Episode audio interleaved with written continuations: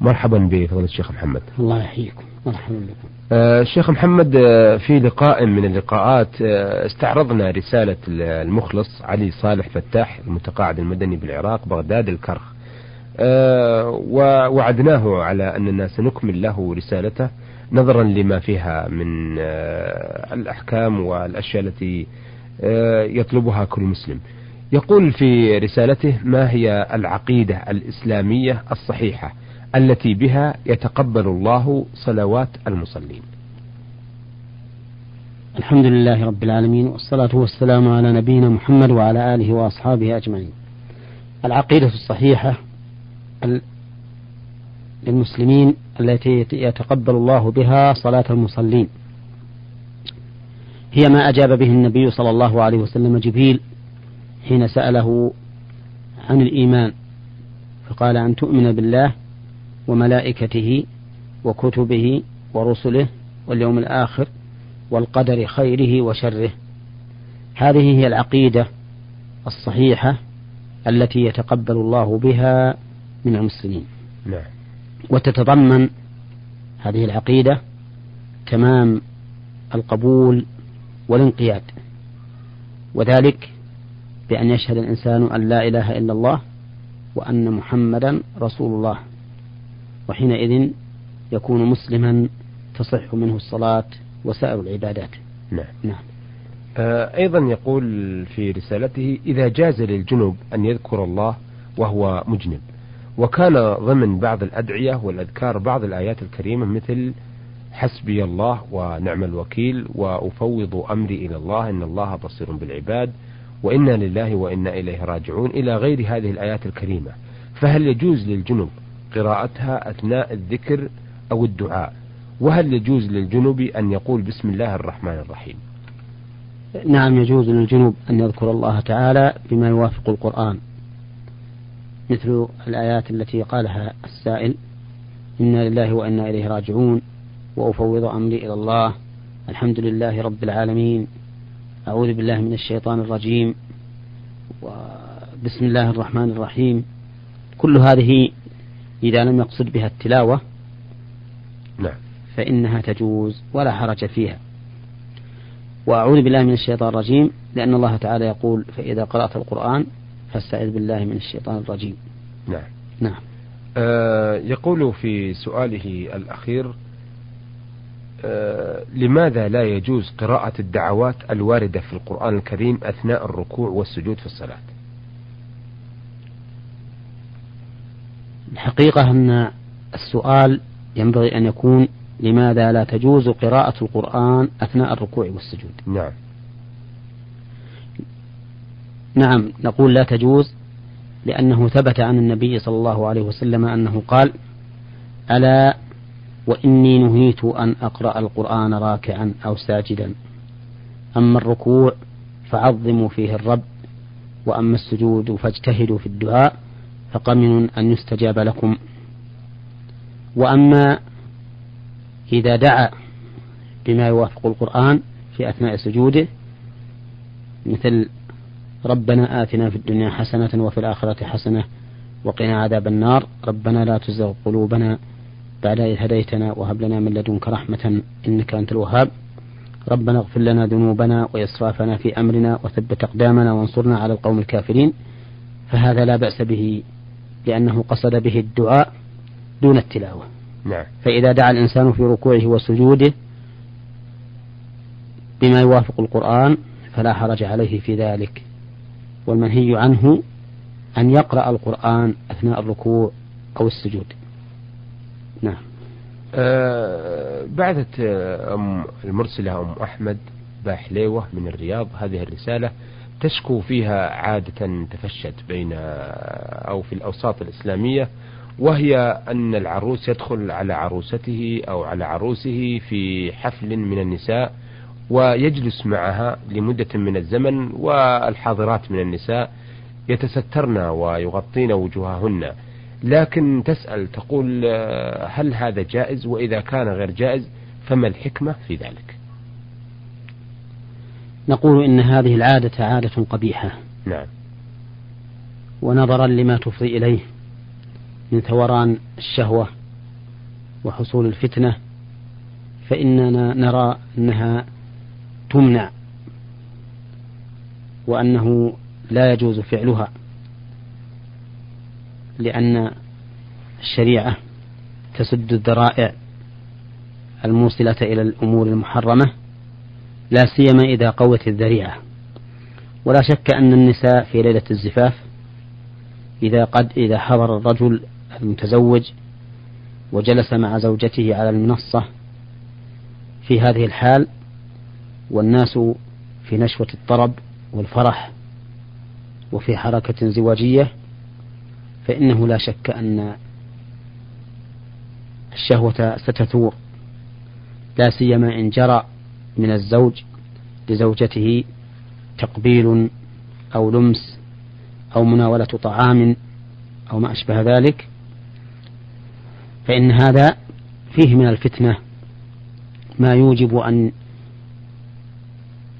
يحكم الإنسان عليه بالتحريم. فالذي نرى أن ذلك مما يجتنب ويترك وأن يبقى الناس على عاداتهم القديمة اللي فيها التي فيها كمال الستر والحياء والبعد عن مظاهر الفتنة. نعم. هذا هو الجواب وهو التعليل. نعم. آه، أيضا تقول في رسالتها هل يجوز للفتاة المتزوجة آه، أن تؤجل مسألة الإنجاب إلى ما بعد تخرجها من الجامعة تأخير الإنجاب حق لها وللزوج. فإذا اتفقا عليه لمدة معينة ولغرض مقصود فإنه لا بأس به. لأن الصحابة رضي الله عنهم كانوا في عهد النبي صلى الله عليه وسلم يعزلون عن نسائهم. كما في حديث جابر كنا نعزل والقرآن ينزل. والعزل سبب لتأخير الإنجاب لأن معناه أن الزوج إذا أتى أهله وقارب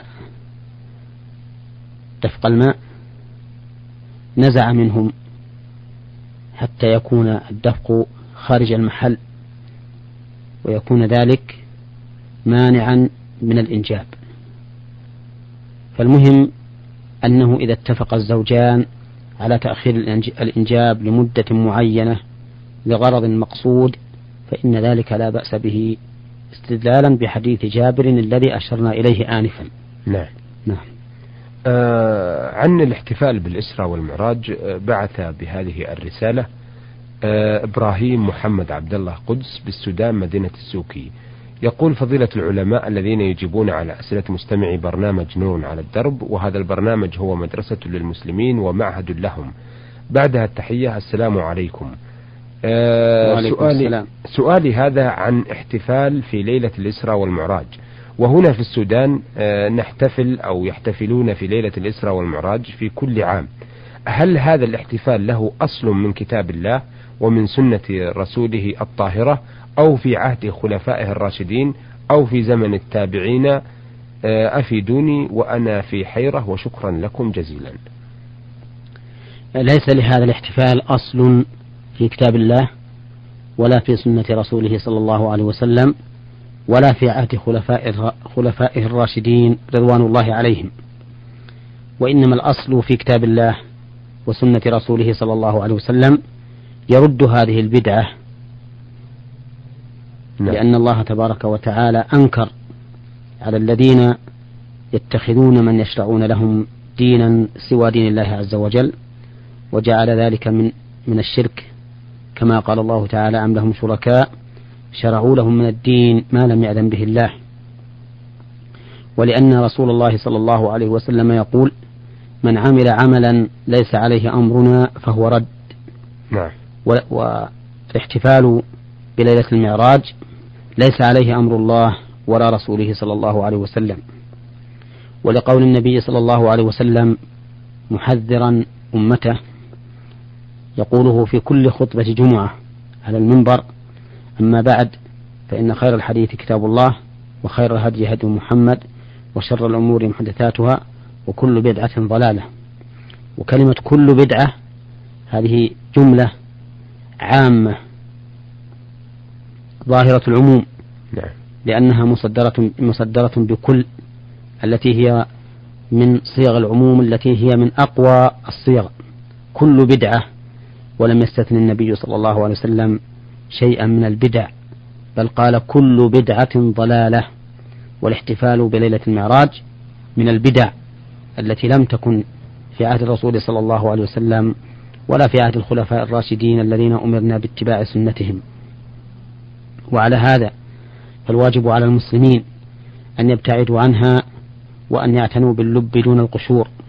إذا كانوا حقيقة معظمين لرسول الله صلى الله عليه وسلم فإن, فإن تعظيمه بالتزام شرعه وبالأدب معه حيث لا يشرع حيث لا يتقربون إلى الله تبارك وتعالى من طريق غير طريقه صلى الله عليه وسلم. فإن من كمال الأدب ومن كمال الاتباع لرسول الله صلى الله عليه وسلم أن يلتزم المؤمن شريعته. نعم. وأن لا يتقرب إلى الله بشيء لم يثبت في شريعته صلى الله عليه وسلم. وعلى هذا نعم. فنقول إن الاحتفال بدعة يجب التحذير منها والابتعاد عنها. ثم إننا نقول أيضا إن ليلة المعراج لم يثبت من حيث التاريخ في أي ليلة هي بل إن أقرب الأقوال في ذلك على ما في هذا من النظر أنها في ربيع الأول المعراج. نعم. وليست في رجب كما هو مشهور عند الناس اليوم. فإذا لم تصح ليلة المعراج التي يزعمها الناس أنها ليلة المعراج وهي ليلة السابع والعشرين من شهر رجب لم تصح تاريخيا كما أنها لم تصح شرعا والمؤمن ينبغي أن يبني أموره على الحقائق دون الأوهام نعم. نعم. طيب ربما يقال ما الذي ينبغي للمسلم أن يفعله إذا وافق آه، هذه الليلة مثلا في أول الربيع أو في رجب لا ينبغي أن يفعل شيئا لأن من هم أحرص منا على الخير نعم. وأشد منا تعظيما لرسول الله صلى الله عليه وسلم وهم الصحابة رضي الله عنهم ما كانوا يفعلون شيئا عند مرورها نعم. ولهذا لو كانت هذه الليلة مشهورة عندهم ومعلومة لكانت مما ينقل نقلا متواترا لا يمتري فيه أحد ولكانت لا يحصل فيها هذا الخلاف التاريخي الذي اختلف فيه الناس واضطربوا فيه نعم. ومن المعلوم أن المحققين قالوا إنه لا أصل لهذه الليلة التي يزعم أنها ليلة المعراج وهي ليلة السابع والعشرين. نعم. ليس لها أصل شرعي ولا تاريخي. إذا آه، الاختلاف في وقتها دليل على عدم الاحتفاء بها. نعم. أثابكم الله. أه حول الصلاة وردتنا هذه الرسالة من السائل ألف سين عين المطرودي من القصيم. يقول السلام عليكم ورحمة الله وبركاته. وعليكم السلام أقدم لفضيلتكم الأسئلة الآتية. راجية من فضيلتكم التكرم بالإجابة عليها. جزاكم الله خيرا. نحن بيننا وبين المسجد مزرعة ونذهب إلى المسجد مع وسطها ولم نستأذن أهلها لأنهم كثيرون ومتفرقون وقد استأذنا بعضا منهم. فهل يلحقنا إثم إذا مشينا معها إلى المسجد؟ علما أن الطريق إلى المسجد بعيد جدا وبعضنا كبير سن لا يستطيع الذهاب مع الطريق لبعده وازدحام السيارات فيه. جزاكم الله خيرا.